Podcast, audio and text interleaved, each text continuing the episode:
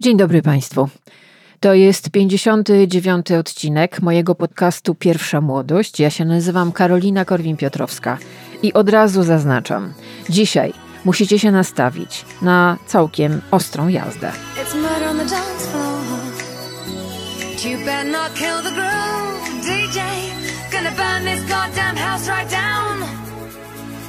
Oh,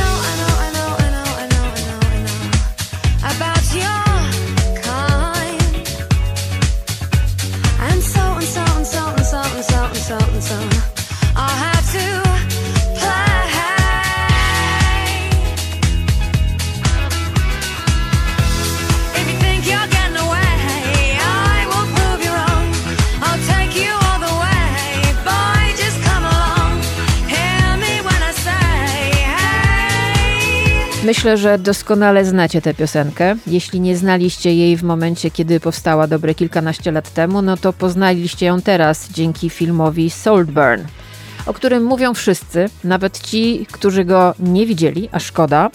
Ale mamy na pewno do czynienia z niesamowitym fenomenem społecznym, socjologicznym, medialnym.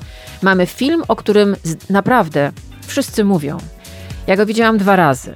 I myślę sobie, że musimy o nim porozmawiać. Dzisiaj musimy porozmawiać o Saltburn, ale przede wszystkim porozmawiajmy o tym, czym są aspiracje, czym jest opętanie, czym jest pragnienie bycia kimś innym niż się jest.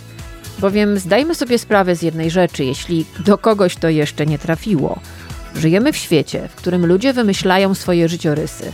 Ba, wymyślają całe swoje życie od nowa Mitomania i obsesja sławy to już nie choroby, a sposoby na przeżycie całego życia, sposoby na zarabianie, sposoby na funkcjonowanie.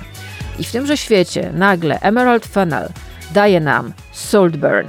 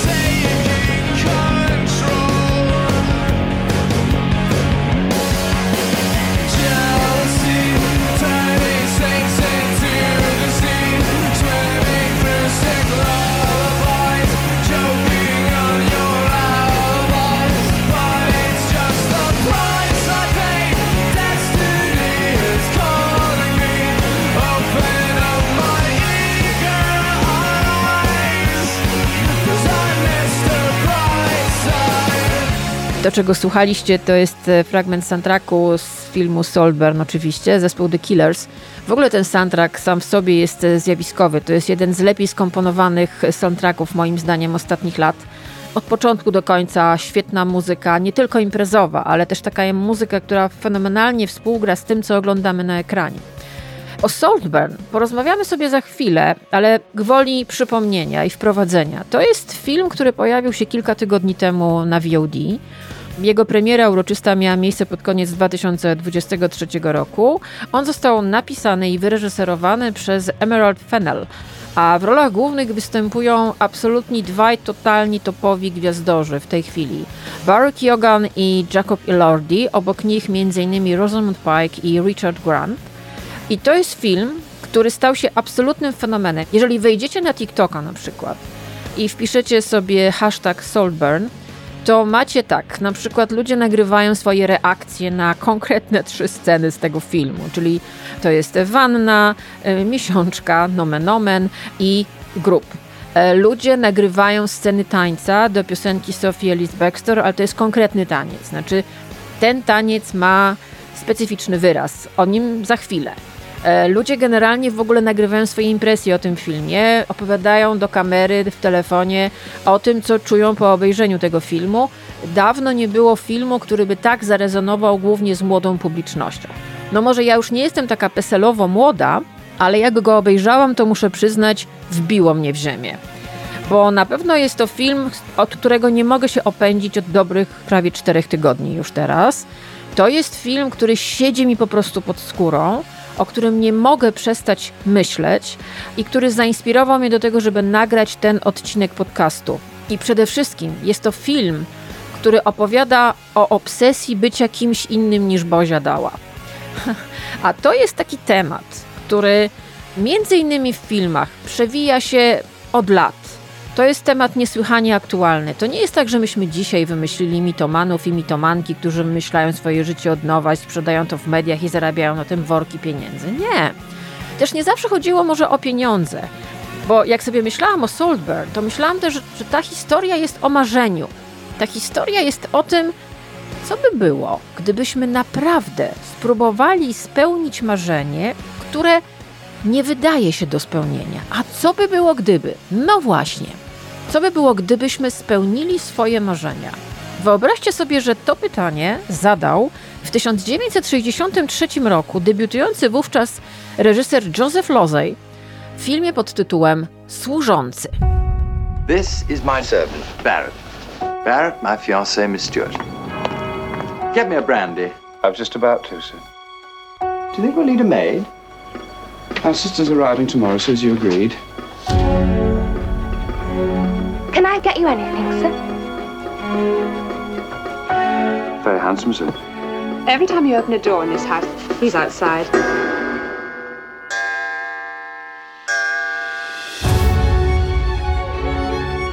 It's your servants.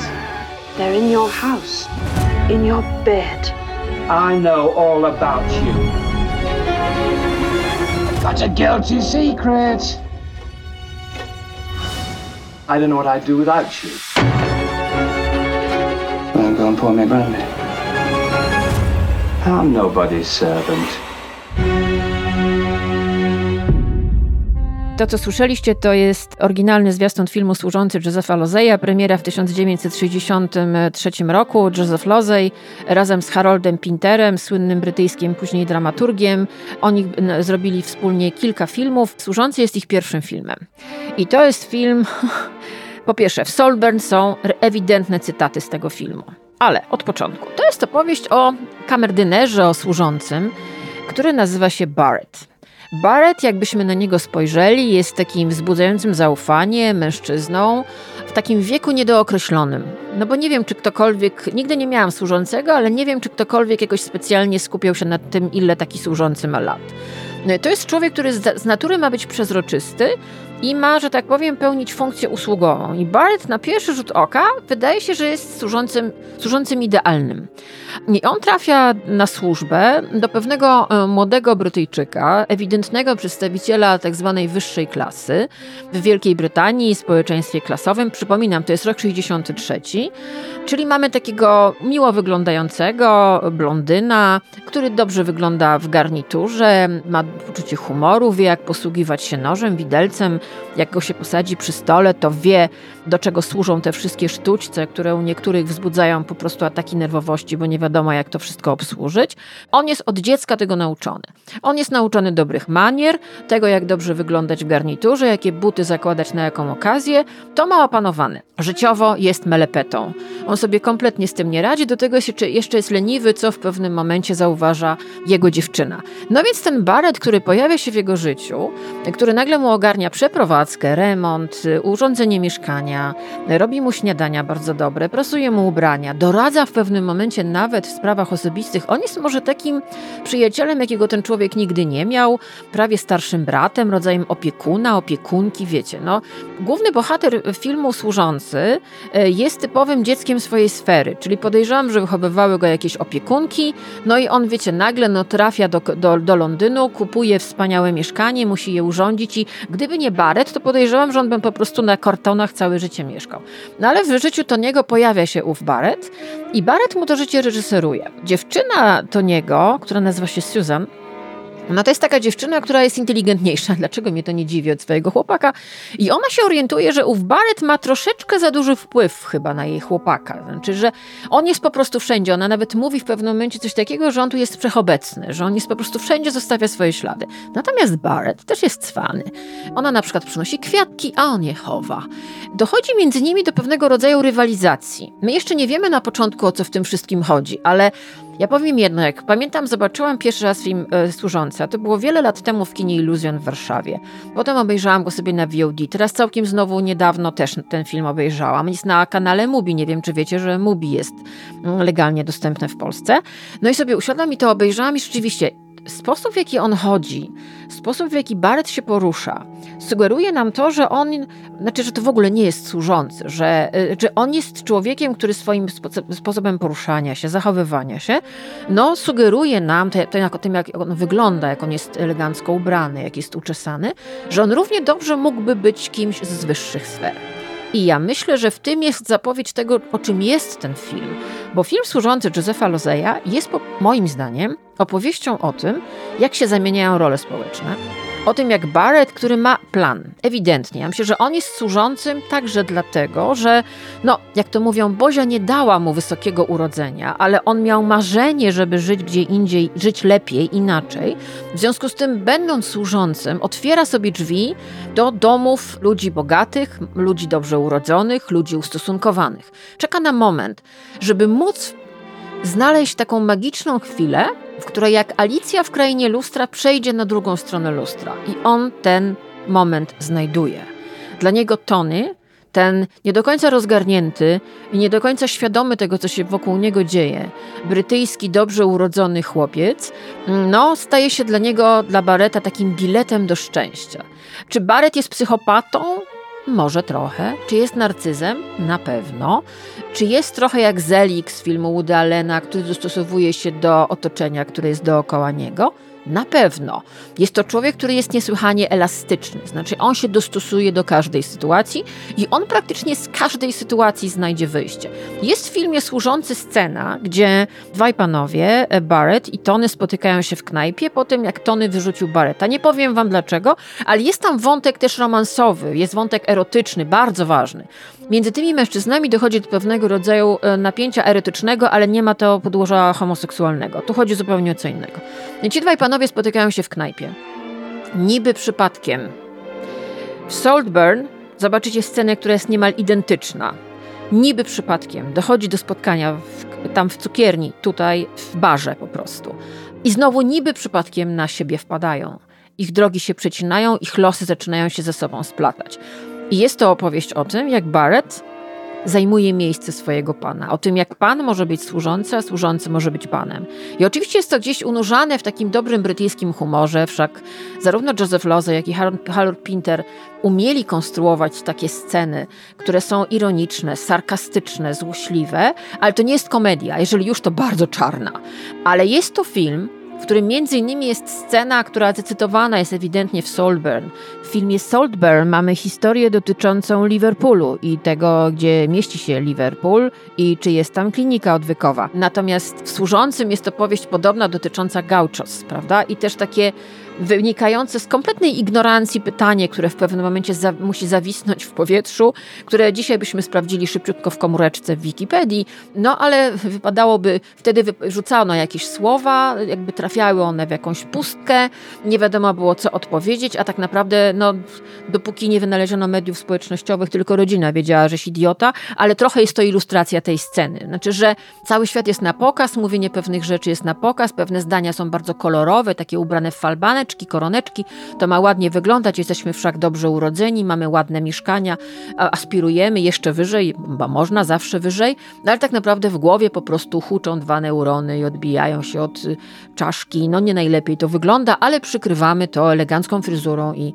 dobrym pochodzeniem. I moim zdaniem służący jest o tym, jak bardzo z jednej strony niewiele potrzeba do tego, żeby zamienić się rolami, żeby uzależnić jednego człowieka od drugiego, żeby dać człowiekowi poczucie bezpieczeństwa, w związku z tym znaleźć drogę do jego serca, do jego emocji. To jest też wątek Saltburn, to jest też wątek dania poczucia bezpieczeństwa. I to jest wątek oczywiście oszustwa. Wątek kłamstwa, które jest drogą do osiągnięcia jakiegoś celu, który sobie wymyślił między innymi, no myślę, że Barrett, czyli służący tytułowy y, z filmu Josepha Lozeya, w tej roli fenomenalny Derek Bogart. No aktor, który jak się na niego spojrzy, to przepraszam bardzo, ale nie wygląda jak osoba i tutaj pewnie zaraz ktoś mi powie, że jestem klasistką, no ale cóż, no widać po nim, że to jest ktoś, kto przeczytał więcej w życiu niż jedna książka, to jest ktoś, kto może być osobą wykształconą, z dobrego domu, ktoś, kto też fantastycznie potrafi nosić garnitur, parasol. Pamiętajmy, to są lata 60., wtedy eleganccy mężczyźni w Wielkiej Brytanii nosili meloniki i nosili parasole. I on to robi genialnie. Tam jest właśnie ten film, zaczyna się od takiego momentu, gdzie widzimy, jak Barrett idzie. Idzie ulicą i to jest po prostu chodząca elegancja, to jest chodzący wdzięk. Mamy wrażenie, że ten człowiek urodził się do tej roli, którą spełnia. Podejrzewamy, że spełnia, bo widzimy go tylko, tak? Nie wiemy, kim on jest. Barrett świetnie, tak jak powiedziałam, znajduje się w każdej nowej sytuacji i równie dobrze może być i panem, i służącym. Tego mm, chłopca, tego Toniego, którego Barrett owija sobie dookoła palca, gra James Fox, taki typowy brytyjski aktor, można powiedzieć, z wyglądu typowy brytyjski arystokrata. Zresztą on potem z wiekiem grał głównie takie role, no bo był do tego po prostu stworzony. No, trzeba umieć frak nosić, trzeba umieć nosić smoking, trzeba umieć zachowywać się z, z, z wrodzonym wdziękiem. On to miał. Znaczy to był człowiek, to jest aktor, który stworzony jest, po prostu składa się z samego wdzięku, więc idealnie pasował do tej roli takiego z pozoru niewinnego, bardzo emocjonalnego, niezbyt rozgarniętego brytyjskiego przedstawiciela wyższych sfer, którego ten Barrett po prostu owija sobie wokół palca, ale któremu paradoksalnie daje poczucie bezpieczeństwa. Ogarnia mu rzeczywistość, usuwa mu wszystkie przeszkody spod nóg, łącznie z narzeczoną. Tyle wam powiem. Służący jest opowieścią, która mimo, że została zrobiona, nakręcona w latach 60., jest porażająco aktualna. Ten film obejrzany dzisiaj, teraz jest w nowej wersji cyfrowej. To jest film czarno-biały, ale ta nowe kopie są jak złoto i naprawdę jak ogląda się to online, to wzbudza to na przykład we mnie czysty zachwyt, bo tam jest wszystko genialnie dopracowane. To, to, jak ten film jest kadrowany, to jakie tam są zdjęcia. Też dla fanów designu można zobaczyć, jak wtedy urządzane były mieszkania wyższych sfer e, w Londynie, dokładnie w Knightsbridge. Więc rzeczywiście to, to robi wrażenie. No i ci dwaj mężczyźni i też kobiety, bo tam są dwie postacie kobiece, to jest taki kwartet, powiedziałabym, niesłychanie zharmonizowany, oczywiście z wiodącą rolą, z wiodącymi rolami Barretta i Toniego. I to jest naprawdę film, który się absolutnie nic nie zestarzał, bo on stoi na dialogach, on stoi na ponadczasowej rywalizacji, on stoi też na ponadczasowym problemie, czyli co by było, gdybyśmy pewnego dnia zamienili się miejscami? Co by było, gdyby życie, jakie wiodą ludzie, u których jestem służącym, stało się moim życiem. Gdybym ja mógł założyć te eleganckie, jedwabne szlafroki, budzić się w tej eleganckiej, jedwabnej pościeli, dostawać śniadanie do łóżka i mieć piękną, elegancką, marmurową łazienkę. Co by było, gdyby Barrett, grany przez Derka Bogarda w filmie Służący, podejmuje rękawice, chce żyć tak, jak ci, u których on służy. I to jest moja pierwsza myśl, która pojawiła się w głowie, kiedy zobaczyłam tyłówkę już filmu Saltburn. Pomyślałam bardzo ciepło o filmie Służący. Oczywiście patroni dostaną do niego link i radzę wam tak, usiądźcie spokojnie, weźcie sobie, tak jak ja teraz, angielską herbatkę mm, z cytrynką i zobaczcie ten film. Jeżeli widzieliście wcześniej Saltburn, to pomyślicie sobie, o kurczę blade, Emerald Fennel zrobiła wersję służącego Anno Domini 2023. Ale idźmy dalej, ale zanim pójdziemy, posłuchajmy jeszcze muzyki Saltburn, Block Party, This Modern Love. To jest jeden z najlepszych soundtracków, jakie są ostatnio na rynku. Naprawdę genialny, posłuchajcie.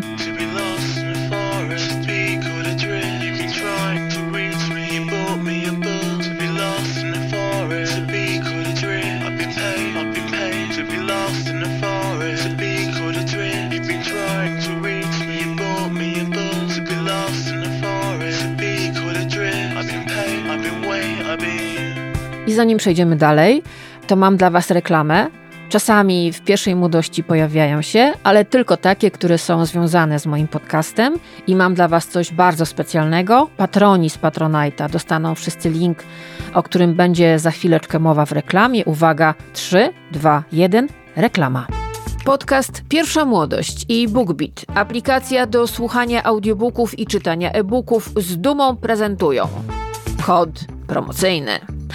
Najpierw rejestrujesz się na www.bookbit.pl. Następnie wpisujesz kod Pierwsza Młodość. Tylko ważne zaznaczenie.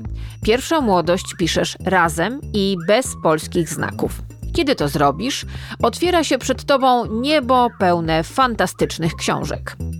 Jest to specjalna oferta, ważna tylko do końca stycznia na 40 godzin słuchania przez 60 dni darmowego okresu próbnego. A co jest w ofercie? Uwaga, same hity. Jeden z fenomenów wydawniczych ostatniego roku, czyli książka pod tytułem Chłopki.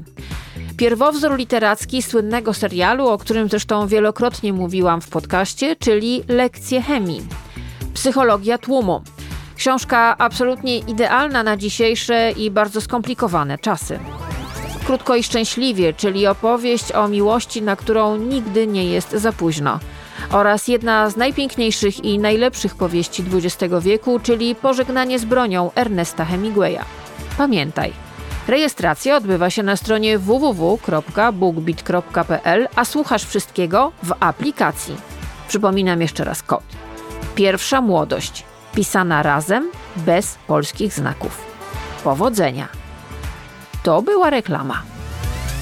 Kolejnym filmem, który przyszedł mi na myśl, kiedy oglądałam Saltburn, i ten film zresztą się pojawił w recenzjach dotyczących filmu Emerald Fennel.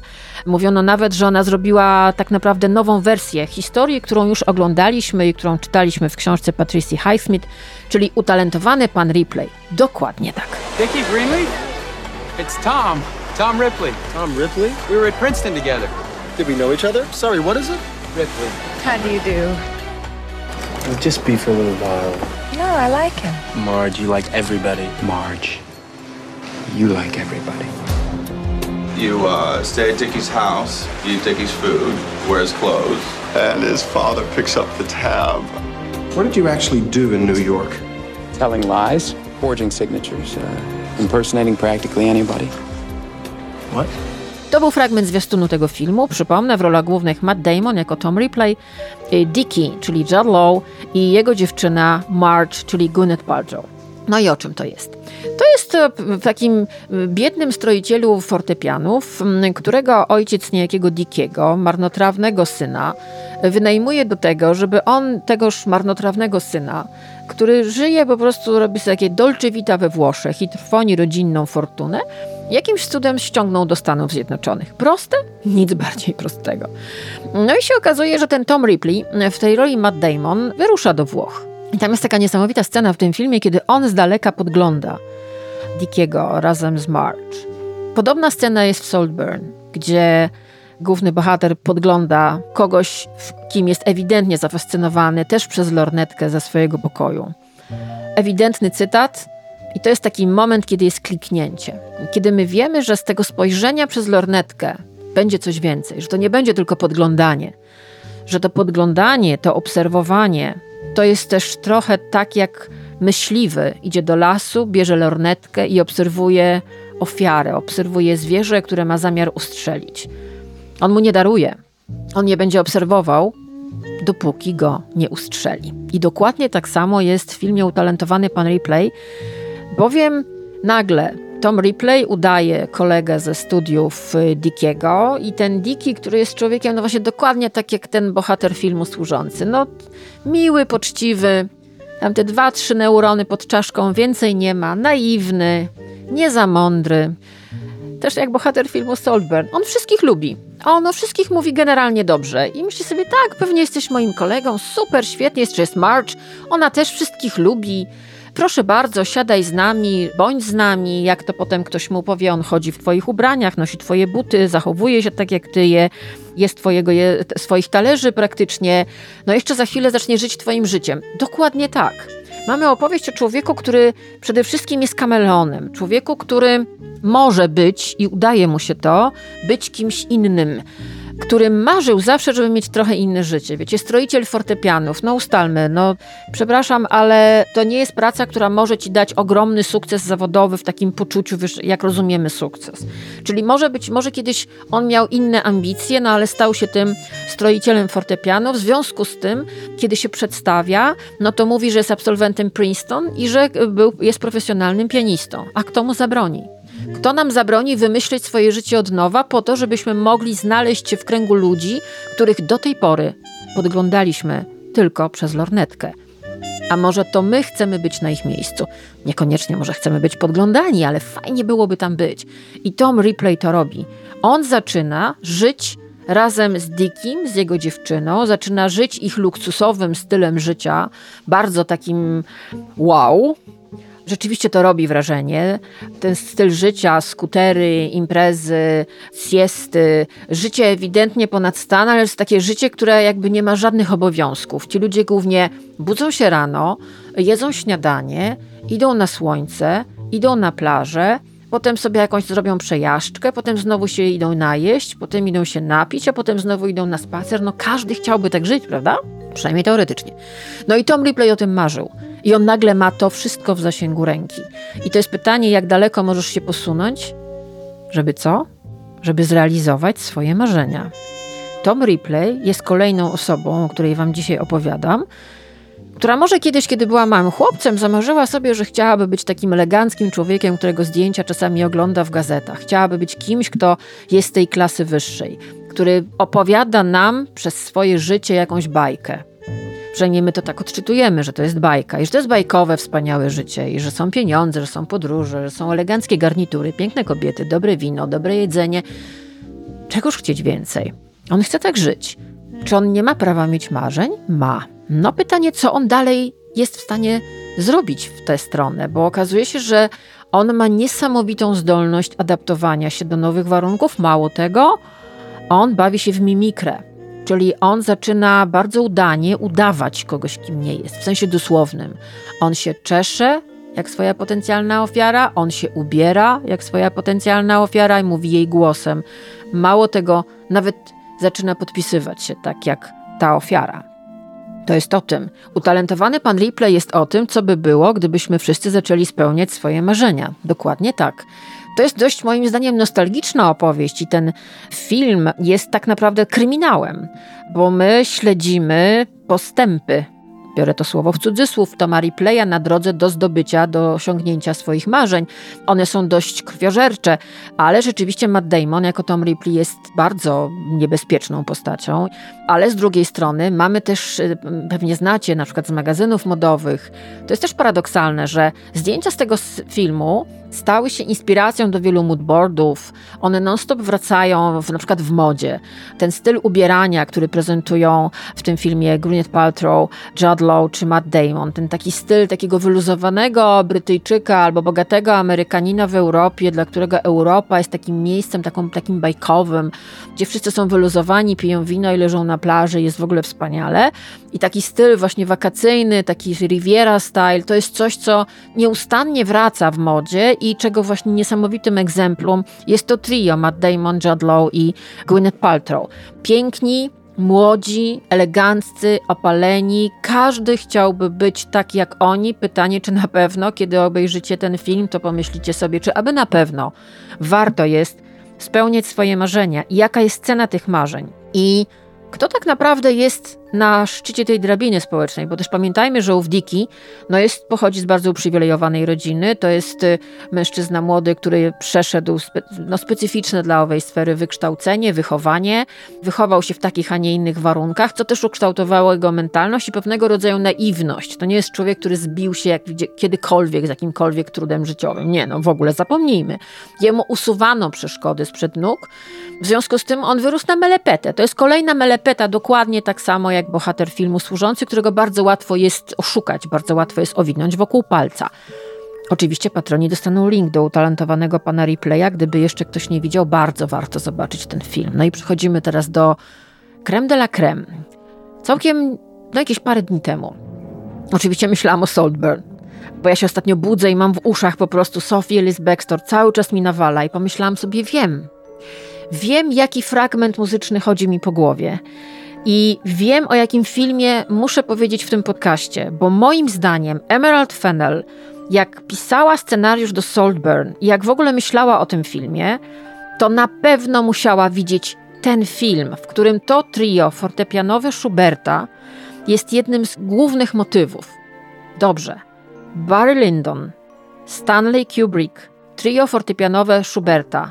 Posłuchajcie.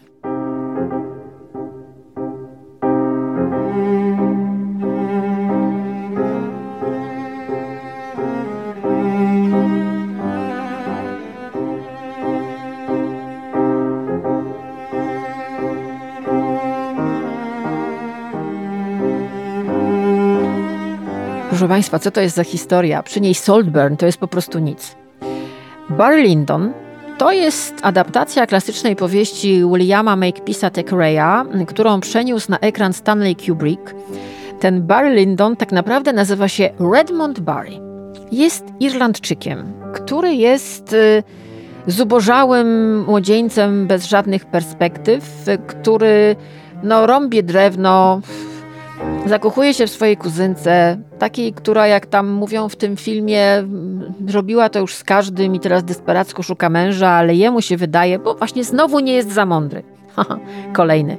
Tylko, że ten chociaż jest sprytny, ale o tym za chwilę.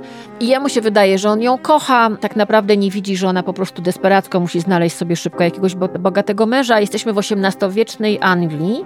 To jest też bardzo ważne zaznaczenie.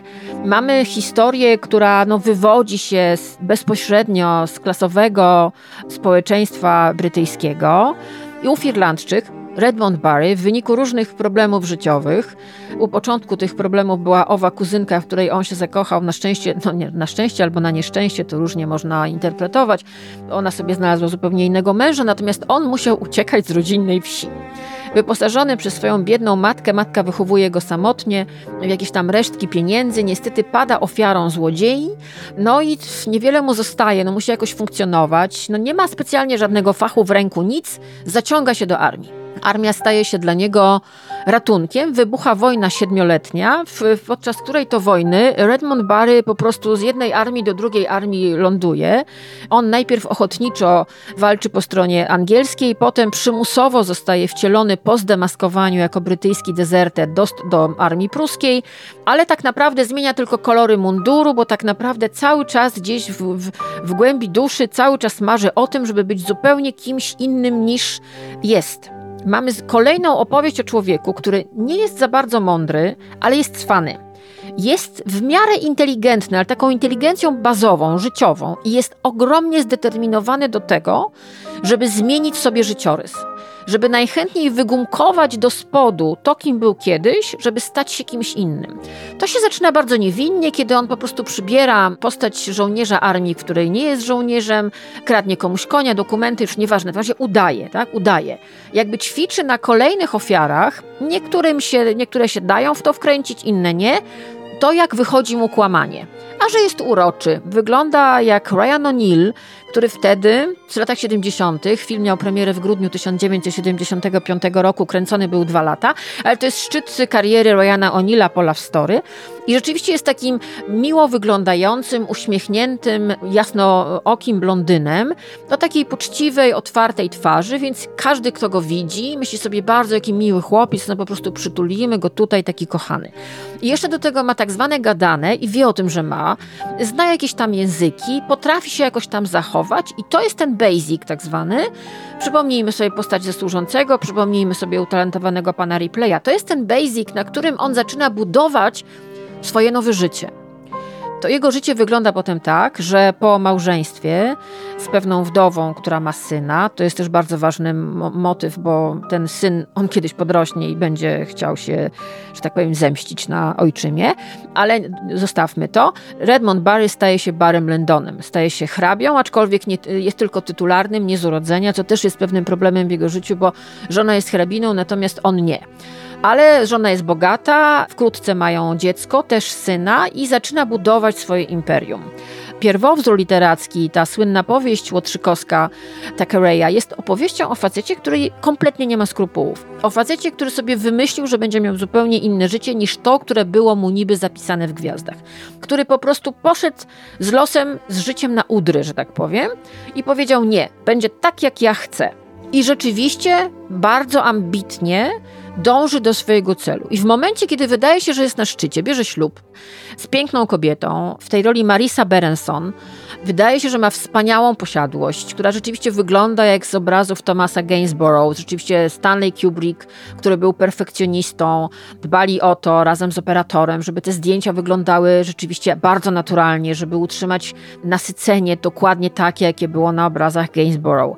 Tam była cała historia z kostiumami z epoki, które są obłędne i ponieważ ludzie żyjący w XVIII wieku mieli trochę mniejszy rozmiar, byli przede wszystkim niżsi niż ludzie żyjący w XX wieku, mieli taki patent, że to tak a propos, jakaś dygre, a propos dygresji, specjalistki od kostiumów, które szyły kostiumy do filmu Barry Lyndon, rozszywały oryginalne kostiumy z epoki, z XVIII wieku i robiły ich o dwa rozmiary albo trzy rozmiary większe wersje, żeby to było dokładnie tak, jak szyte, jak krojone były kostiumy XVIII-wieczne, które były niesamowite. To jest ten czas, gdzie były krynoliny, ogromne ilości koronek, falban, to jest czas niesamowitej ilości peruk, czas zdobień, gdzie rzeczywiście ubiór absolutnie stanowił o tym, dawał pierwszy komunikat, z jakiej warstwy społecznej jestem. Zresztą Barry Lyndon w tym filmie, tam są takie sceny z krawcami, jak on po prostu no, trwoni ogromne ilości pieniędzy na ubrania. On trwoni ogromne ilości pieniędzy na, powiedzielibyśmy dzisiaj, wizerunek. No bo rzeczywiście ten, ta posiadłość, ona to, tonie za chwilę w dziełach sztuki, które on kupuje zewsząd, skąd się tylko da. On sam jest po prostu ubrany w sposób absolutnie niesamowity. Jego żona też jest bardzo efektowną kobietą, w związku z tym te wszystkie suknie na niej wyglądają też niesamowicie. No jak się idzie korytarzami ich rezydencji, to są wspaniałe meble, tam się na niczym nie oszczędza. Znaczy jak ja oglądałam sobie niedawno Barry'ego Lindona, to miałam takie wrażenie, że jakby mi ktoś robił tour po, wiecie, MTV Creeps, ale po posiadłości Barry'ego Lindona w w wieku XVIII. Znaczy to jest dokładnie to samo. Znaczy zastaw się, a postaw się. Znaczy epatowanie bogactwem, typowe noworyszostwo, nie myślenie o tym, że może jednak czasem skromniej znaczy lepiej. Nie, tu ma być na bogato, na bogato, na bogato. Jakby mogli, to by jeszcze ceny postawili. Dokładnie to jest ten sposób myślenia. Znaczy, tam są też sceny, gdzie on siedzi z księgowym zarządcą i nagle no, widać powoli narasta pewien niepokój, bo to się wydaje, że są kredyty brane na spłatę kredytów, że pojawiają się pierwsi wierzyciele, ale Barry Lyndon cały czas żyje nadzieją, że ten jego cel w postaci bycia e, arystokratą, któremu tytuł szlachecki nada król, że ten cel się ziści. Nie powiem wam, co się dzieje dalej, ale to jest opowieść o wzlocie i niechybnym upadku. Zresztą cała ta historia jest opowiadana też z offu, bo poza tym, że mamy wspaniałą, epicką, trzygodzinną opowieść, Kubrick lubił du duże filmy, kręcił je długo, Barego Lyndona, jak już mówiłam, kręcił dwa lata, ale to się opłaciło, bo to jest dzieło skończone, wielkie, epickie, w którym mamy opowieść, którą śledzimy, naprawdę jest bardzo ciekawa, z udziałem aktorów, ale mamy też dopowiadane ciepłym, takim trochę karzącym głosem z offu rodzaj komentarza do tego, co oglądamy na ekranie, co samo w sobie jest bardzo ciekawe, ale też daje od początku pewne spoilery. Znaczy, my wiemy, że historia Barego Lyndona nie skończy się zbyt pozytywnie, ale jesteśmy piekielnie ciekawi, jak do tego wszystkiego doszło. Tym bardziej, że jego losy, szczególnie te wojenne, gdzie on spotyka na swojej drodze różnych ludzi, wszystkich zostawia, że tak powiem, wyzyskanych też są bardzo fascynujące, bo my widzimy faceta, który jakimś cudem nie zginął jeden, drugi, trzeci raz. Otarł się gdzieś tam o bohaterstwo, otarł się. Co nie zmienia faktu, że potem robi z siebie bohatera wojennego. A co tam? Teraz każdy może być bohaterem, prawda? No, więc Barry Lyndon tym bardziej. I jeszcze dodatkową rzeczą w tym wszystkim, bo Kubrick jest twórcą, był twórcą, był twórcą kompletnym to już nie mówię, jak mówiłam wam o tych kostiumach, scenografii, to było kręcone w, w miarę oryginalnych budowlach z tego okresu. No, był wręcz fanatykiem, żeby były oryginalne przedmioty na planie, ale jeszcze do tego muzyka. I tam jest motyw muzyczny, który jest obok owego Schuberta, którego puściłam wam na początku. To jest motyw Händla, Sarabanda Händla taniec, który jest tańcem bardzo zmysłowym. W Anglii był bardzo popularny w tamtych czasach, dlatego bardzo często się pojawia w filmie Bar Lyndon, a na przykład w Hiszpanii był zakazany jako taniec grzeszny. Także posłuchajmy kawałka Sarabandy Händla, który to motyw w różnych aranżacjach pojawia się w filmie Bar Lyndon.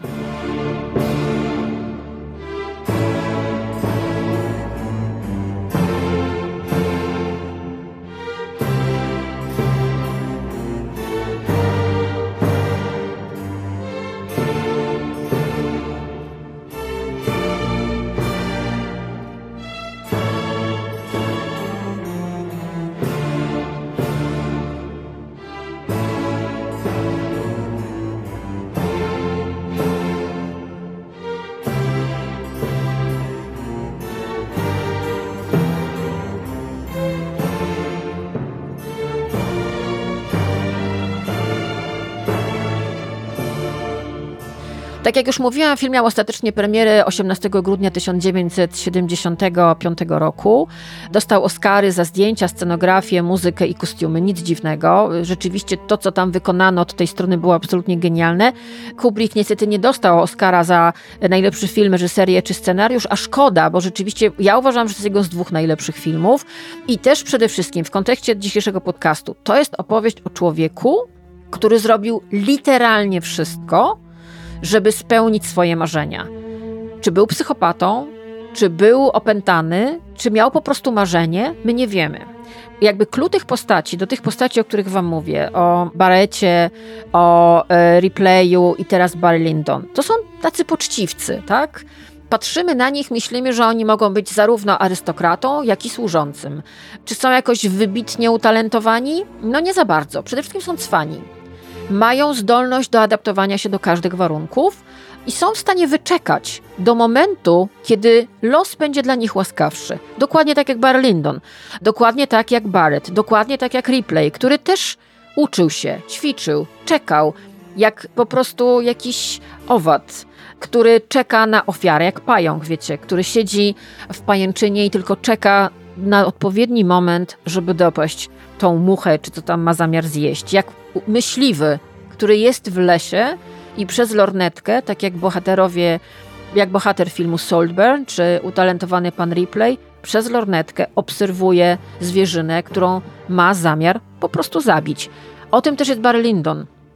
O tym, że ktoś chce być kimś zupełnie innym niż się urodził, o tym, że komuś się nie podoba życie, jakie może jest mu pisane i robi wszystko, żeby, żeby je zmienić. My żyjemy w czasach, gdzie bycie zwyczajnym jest absolutnie passé, tak? Musimy być niezwykli, musimy być wyjątkowi, musimy być oryginalni, jedyny w swoim rodzaju. Boże, jaki to jest boles, jaka to jest bolesna zbitka słów. No a tu się okazuje, że są ludzie, którzy to spełniają. To posłuchajmy w takim razie fragmentu zwiastuna filmu pod tytułem Bar Lyndon w reżyserii Stanleya Kubricka. To jest rok 1975.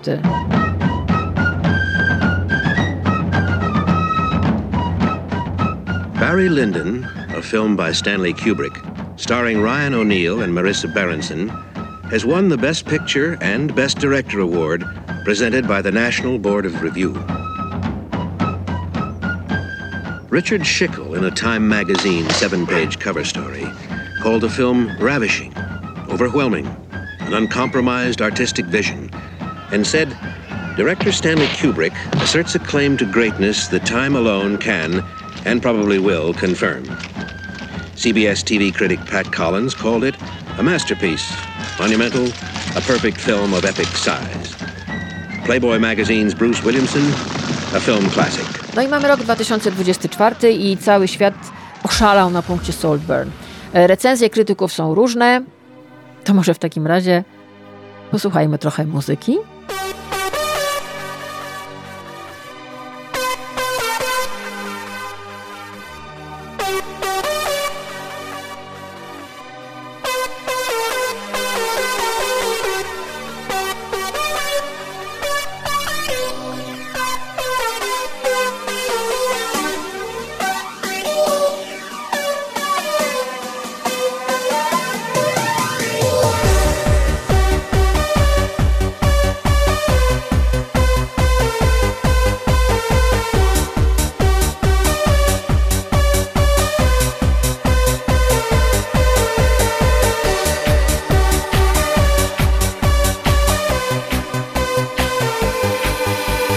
To jest znowu ten soundtrack z filmu Saltburn. Dobrze, to o czym to jest? Po pierwsze zacznijmy od tego, jak ten film się zaczyna. Widzimy mężczyznę w tej roli Barry Keegan, mężczyznę, który no, obserwujemy na bliskim planie, zatroskany, taki zamyślony, ma y, smutną twarz. I ona opowiada nam do kamery prawdopodobnie historię swojego życia i zadaje pytanie, czy byłem zakochany, czy go kochałem? No, i potem przenosimy się w czasie. Mamy rok 2006 i Oliver, główny bohater tego filmu obok Felixa, pojawia się w Oksfordzie, będzie tam studiował jest stypendystą, jest na stypendium, czyli musiał się naprawdę bardzo postarać, żeby tam być. Ma walizkę, sam ją ciągnie, nie przywieźli go rodzice eleganckim samochodem, nie zna nikogo z młodzieży, która roześmiana tam e, wita się, bo to się wszyscy znają. Jedna grupa społeczna, prawda, jakieś tam pociotki, spotykali się na wspólnych wakacjach, wspólnych imprezach, no i wiadomo, ojciec był w Oksfordzie, to i córka, to, to i syn będą w Oksfordzie. Czyli taki, powiedzieliśmy, krąg znajomych i przyjaciół, pewna sfera, która się tam czuje bardzo dobrze w swoim towarzystwie i nagle mamy tego Oliwiera, który jest absolutnym ich przeciwieństwem, ma zwykłą walizkę z supermarketu, ktoś tam zwraca uwagę, mijając go na dziedzińcu Oksfordu, o, co za szalik. Nie jest też za bardzo, powiedzielibyśmy, atrakcyjny, jest takim zwykłym chłopakiem, no. Okulary niezbyt modne, tak trochę się kurczy w sobie, trochę się garbi. I patrzy na ten świat trochę z podełba, widzi tych ludzi roześmianych i szczęśliwych. I z jednej strony od razu widać, moim zdaniem, że on się czuje obco, ale z drugiej strony ze sposobu, w jaki on obserwuje ten świat, który go otacza, który ma go w dupie, myśli sobie, no dobra, no to poczekajmy. I potem jest e, w swoim pokoju, w akademiku i obserwuje przez okno pewnego młodego, niesłychanie przystojnego, totalnie seksownego i uroczego Feliksa. No i to jest chłopak, który jest ewidentną gwiazdą tego rocznika. Dziewczyny po prostu omdlewają na jego widok, nic dziwnego, to jest Jacob Elordi. No po prostu może wybierać w, w każdej, po prostu każda jest gotowa. Nie udawajmy, nie róbmy z nich dziewic, którymi już dawno nie są. I on jest po prostu królem balu, można powiedzieć. Natomiast nasz Oliwier, no cóż, no, jedyna osoba, która odzywa się do niego na równi i w ogóle jest nim jakkolwiek zainteresowana, to jest chłopak, który jest geniuszem matematycznym. Jest tam taka kolacja, którą organizują dla, dla świeżo przyjętych studentów i to są jedyne dwie osoby, które właśnie Oliwier i ten geniusz matematyczny, które ze sobą jakoś tam rozmawiają. Ten geniusz też powiedziałabym emocjonalnie nie do końca, że tak powiem, wszystko styka. Nienawidzi matematyki, ale łatwo mu przychodzi, w związku z tym jest na matematyce. Ewidentnie mamy do czynienia z kimś, kto ma nawet nieukrywany rys psychopatyczny. No ale wiecie, jak nie ma się z kim pogadać, to nawet taki lekki psychopata zawsze miły jest do pogadania w bibliotece. Problemem tutaj zaczyna być to, że ów mm, geniusz matematyczny myśli, że Oliwier jest jego przyjacielem, nic bardziej mylnego, albowiem Oliwier ewidentnie zawiesza oko na Feliksie. Czy jest zakochany? Nie wiem. Czy jest zafascynowany? Na pewno. Czy zazdrości? Pewnie tak. No, tak jak już powiedziałam, Olivier ma stypendium, czyli musiał być naprawdę dobrym kujonem, musiał być dobrym uczniem, żeby trafić tu, gdzie trafił. Może to było jego marzenie, nie wiemy. To do końca gdzieś nie jest do nam wytłumaczone. Co, co tak naprawdę motywowało tego chłopaka? Doprowadza na skutek nie do końca, jakby to, żeby nie wam nie opowiedzieć całości. No więc tak, dobra. Felix ma wypadek na rowerze. Pojawia się Oliwier znikąd i proponuję mu, że w takim razie, słuchaj, to po, ja ci dam swój rower, to tam pojedź na wykład. Proszę cię bardzo. No i tamten w ogóle jest w szoku, że ktoś mu cokolwiek daje i że nic za to nie chce i że w ogóle jest uśmiechnięty i mówi I love you, I love you, kocham cię. Posłuchajcie. Did you know there was a college Christmas party tonight? NFI, me and you, not fucking invited. You alright? Yeah, I've got a flat tire. Take my bike.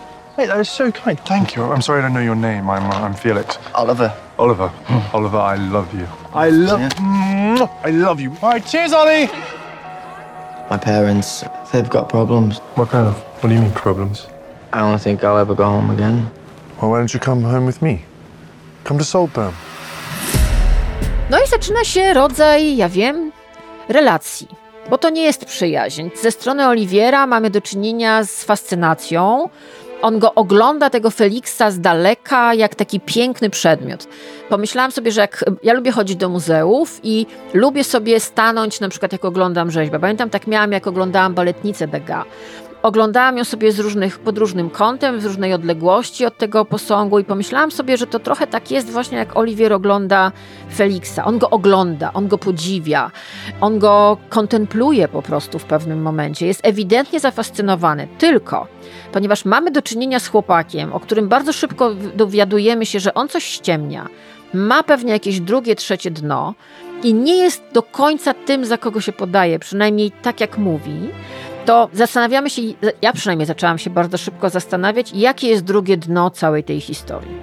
I bardzo szybko, kiedy mamy taką scenę, kiedy kończy się rok akademicki, jest impreza i Oliwier ma na sobie smoking oczywiście wypożyczony i ktoś zauważa, że gdyby mu skrócić te rękawy, to byłby nawet wiarygodny, że to jest jego smoking, ale widzimy, że przed nim zaczyna się powoli otwierać jakby zupełnie nowa perspektywa, albowiem dzięki temu, co naopowiadał Feliksowi o sobie, dostaje zaproszenie do y, letniej rezydencji rodziny Feliksa, czyli do Saltburn.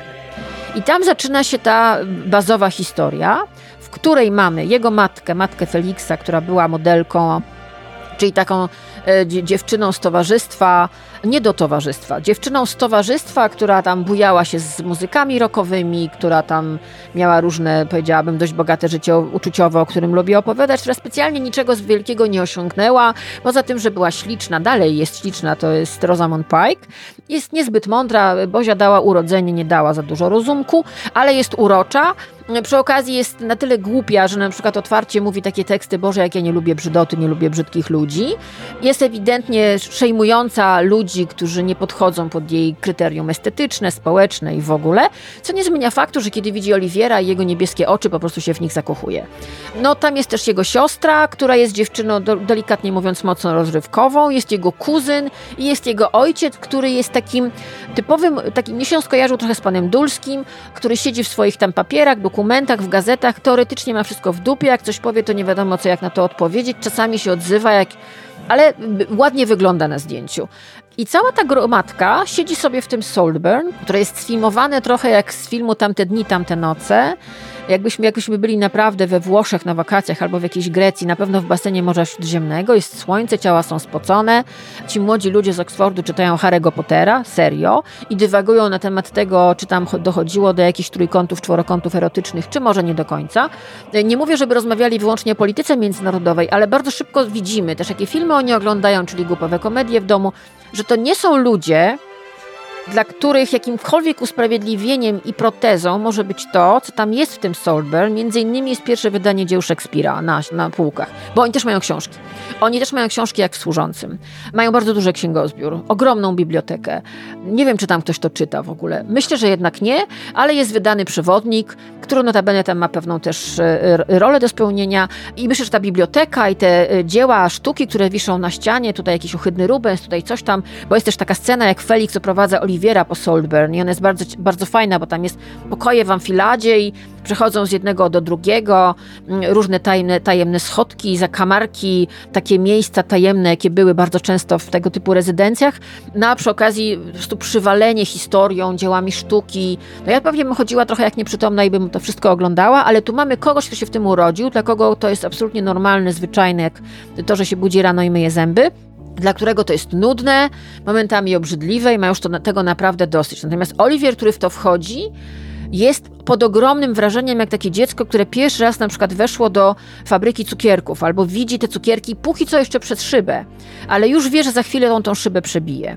No i tam w tym zamku, w tej posiadłości, w tej letniej atmosferze dużego wyluzowania, alkoholu, imprez, narkotyków dochodzi do przeróżnych rzeczy. Nie będę wam do końca opowiadała tego, bo nie chcę, bo to jest historia, która ma różne wątki, one też tam jeden z drugiego wynika. I to jest film, który moim zdaniem jest wstrząsającą, aczkolwiek ironiczną opowieścią o tym, w jakich czasach żyjemy. I to, że ten film odbił się tak ogromnym echem w mediach społecznościowych, które są zdominowane przez młodych ludzi, jest dowodem na to, że one, te dzieciaki, nie tylko dzieciaki, odnalazły w tym filmie siebie. Znaczy, że podskórnie, ja na przykład oglądając ten film, pomyślałam sobie, to jest opowieść o kimś, to absolutnie tak jak bohaterowie dzisiejszego podcastu, filmu służący utalentowany pan Ripley czy Barry Lyndon, nie zgadzają się na to, kim przyszło im być z urodzenia. W związku z tym postanawiają spełnić swoje marzenie. Akurat Olivier, bohater filmu Solburn, jest kujonem, ma wiedzę, jest cwany, i on to sobie wszystko w głowie moim zdaniem zaplanował, aczkolwiek zadajemy sobie pytania, bo też Kigan zrobił z tego wielką kreację, bo to jest fenomenalnie napisana postać. My się zastanawiamy, czy on jest zakochany, czy on rzeczywiście pożąda, czy on jest homoseksualny, czy może jest biseksualny, a może jest po prostu psychopatą, czy on ma plan, może ma obsesję, może ma po prostu obsesję na punkcie pewnego młodego człowieka, ale może nie tylko tego człowieka, może też kilku innych osób. Jego bohater, ów Olivier, to jest też znamienne. On w momencie, kiedy przyjeżdża do Saltburn i ma tę samą walizkę, jaką miał tam w Oksfordzie, taką z supermarketu, on się zmienia. Tam jest ten motyw, który pojawia się w utalentowanym panu Replayu, czyli dostaje ubranie od Felixa, dostaje marynarkę, dostaje spinki do mankietów. On się zmienia. Jego ciało, też przez to, że zostaje, jest taka scena, że nie leżą e, w polu nago, no musi się rozebrać, czyli musi się nago pokazać przed wszystkimi, no i nie jest źle chyba. Chłopcy patrzą z zainteresowaniem, co tam jest pod tymi bokserkami. Więc on zaczyna być dopompowany, jeżeli chodzi o miłość własną. Może to, czego nie miał za bardzo w życiu, albo nie chciał mieć, albo może ci, którzy mu to dawali, nie byli w jego kręgu zainteresowań. Myślę, że bardziej ta opcja ale wreszcie zostaje, zostaje jakoś tam, jemu się wydaje zaakceptowany, tak? On się zmienia, on się rozbiera. On leży w trawie i on już się nie wstydzi. On zaczyna mieć no, coraz większe poczucie własnej wartości, jakby wysysał je z tego świata, który jest dokoła. Więc y, to był tylko plan, czy może on się też dał porwać temu światu, który do tej pory oglądał za szybki, jak te dzieci oglądają cukierki w sklepie z cukierkami i marzą o tym, żeby tę szybkę przebić. On już był po drugiej stronie lustra, tak jak Alicja. On już wszedł do tego innego świata i nagle widać, że on się czuje, zaczyna się czuć jak ryba w wodzie. Jest coraz bardziej świadomy siebie, swojego ciała, coraz bardziej jest świadom swojej siły i przesuwa coraz bardziej granice. Pojawia się zazdrość. Pojawia się takie myślenie w nim, a co by było gdyby, tak? I ten jego życiorys do tej pory dość nudny, dość nijaki, dość przewidywalny, aczkolwiek on go na siłę ubarwiał, ale w pewnym momencie pomyślał sobie, co by było gdyby wziąć życie za rogi, nie? Tak jak nam mówią w tych wszystkich podręcznikach. No i on to życie bierze, słuchajcie. I taki jest ten film, moim zdaniem. Tylko czekać, aż ten Olivier z początku filmu Saltburn, który zresztą się tam pojawia kilka razy, że niby robi jakiś, nie wiem, to jest jego spowiedź do kamery. Ja mam takie wrażenie, że gdyby Emerald Fennel nakręciła drugą część Solburn, to Olivier wystąpiłby w jakimś talk show, albo może byłby gospodarzem jakiegoś talk show, słuchajcie. Może by wystąpił w jakimś tańcu z gwiazdami, bo wszak my dzisiaj czcimy psychopatów. Psychopata jest postawiony na szczycie drabiny i mówią nam: O, proszę bardzo, bycie zwykłym, bycie szarym, bycie normalnym jest nudne. Musisz być jakiś, czasami za wszelką cenę, dlatego ludzie ubarwiają swoje życiorysy. Dlatego mamy, wiecie, gazetowe milionerki, mamy osoby, które wymyślają swoje życie, które opowiadają o tym, nie wiem, że Almodowar miał o nich nakręcić film albo ktoś tam. Kiedyś mitomania była chorobą, to było leczone. Dzisiaj to jest krok do sławy, krok do zdobywania pieniędzy, krok, krok do zaufania, do zdobywania zaufania u innych ludzi, bo Oliwier w jakimś sensie zdobywa zaufanie. I tam jest kolejny cytat z filmu służący Josepha Lozeja. Spotkanie, no tym, tym razem w cukierni, tylko tyle wam powiem. Znaczy, moim zdaniem Emerald Fennel w Saltburn bardzo dużo cytuje z Lozeja z filmu z 1963 roku, który był no, taką pierwszą, moim zdaniem, opowieścią na temat tego, co by było, gdyby ludzie zamienili się miejscami i co by było, kiedy w momencie, kiedy ofiara staje się katem, a kat staje się ofiarą. Co by było, gdybyśmy zamienili się po prostu miejscami? To nie dzieje się w bajce, tylko dzieje się tu i teraz i można to sfilmować i o tym opowiedzieć. Media szaleją na punkcie Saltburn. Ja się nie dziwię. Ludzie nagrywają swoje sceny pokazujące reakcje na te sceny. To są trzy sceny, o tym już wszyscy wiedzą. Jest wanna, jest miesiączka i jest grób. Ja wam powiem tak. We wszystkich tych trzech scenach mamy do czynienia z ewidentną obsesją. Myślę, że jakby psychiatra oglądał te sceny, to nie byłby zdziwiony. Myślę, że to, co wybuchło wokół tego, że te sceny zostały pokazane i że ludzie tak bardzo je odbierają, to jest to, że prawie każdy z nas, i ja nam w sumie, tego, w sumie nam tego życzę, przeżył rodzaj obsesyjnego zauroczenia czymś albo kimś. I to jest pytanie, które musimy zadać sobie sami, jak daleko jesteśmy się w stanie posunąć w momencie, kiedy jesteśmy obsesyjnie czymś opętani. Ewidentnie Oliwier, mówię tu szczególnie ze scen, o scenie z grobem, jest opętany. Jest mu też żal. On też tęskni. I to jest rodzaj tęsknoty, która jest ponad wszystko i ponad ludzki rozum.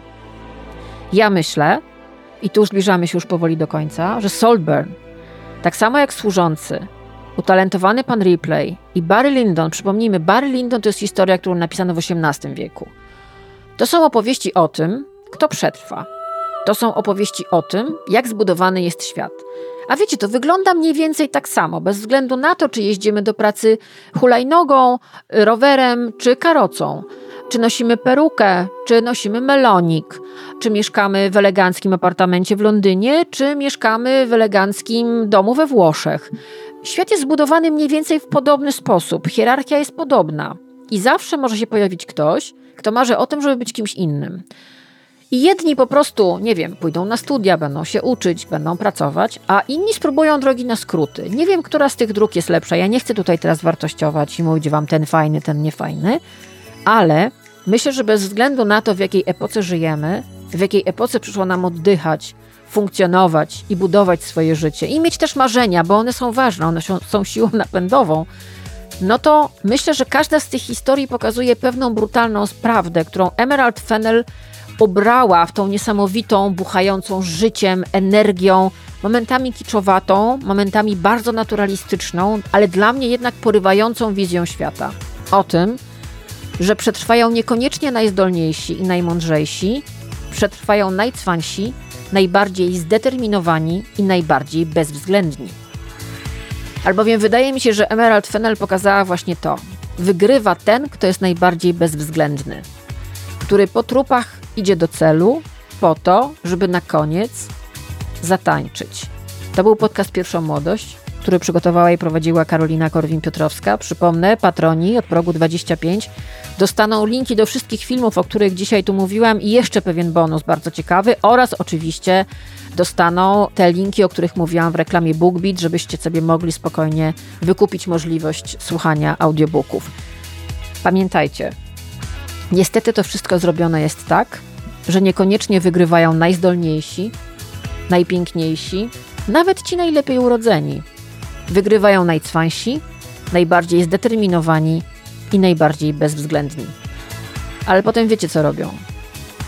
Potem jak w filmie Solburn, Barry Keegan i w tej genialnej scenie, którą ludzie też e, na TikToku odtwarzają w różnych stylizacjach, w różnych scenografiach. Nawet Sophie Ellis Bextor nagrała swoją wersję tej sceny, patroni dostaną link do tego, bo to jest warto zobaczyć. Sophie Ellis Bextor, która wróciła na listy przybojów dzięki Saltburn, dzięki tej piosence, która jest na końcu tego filmu. I tam jest taka scena, która dla mnie jest Oscarowa. Barry Keegan jest po prostu fenomenalny, taka świadomość ciała, ale wiecie co? Ta scena jest z jednej strony piękna i pokazuje tę świadomość ciała, ale z drugiej strony jest dość potworna. I można mieć bardzo wiele różnych skojarzeń związanych z tą sceną i z jej wymową, z jej energią, która nie do końca jest też pozytywna, ale ta piosenka. Zostawiam Was z tą piosenką. Mam nadzieję, że patroni, jak dostaną newsletter, po prostu będą włączali kolejne linki i dostaniecie po kolei film służący, utalentowany pan Replay, Barry Lyndon i na koniec Saltburn. Myślę, że taka powinna być kolejność. A ja Was zostawiam Sophie Ellis Baxter. Do usłyszenia.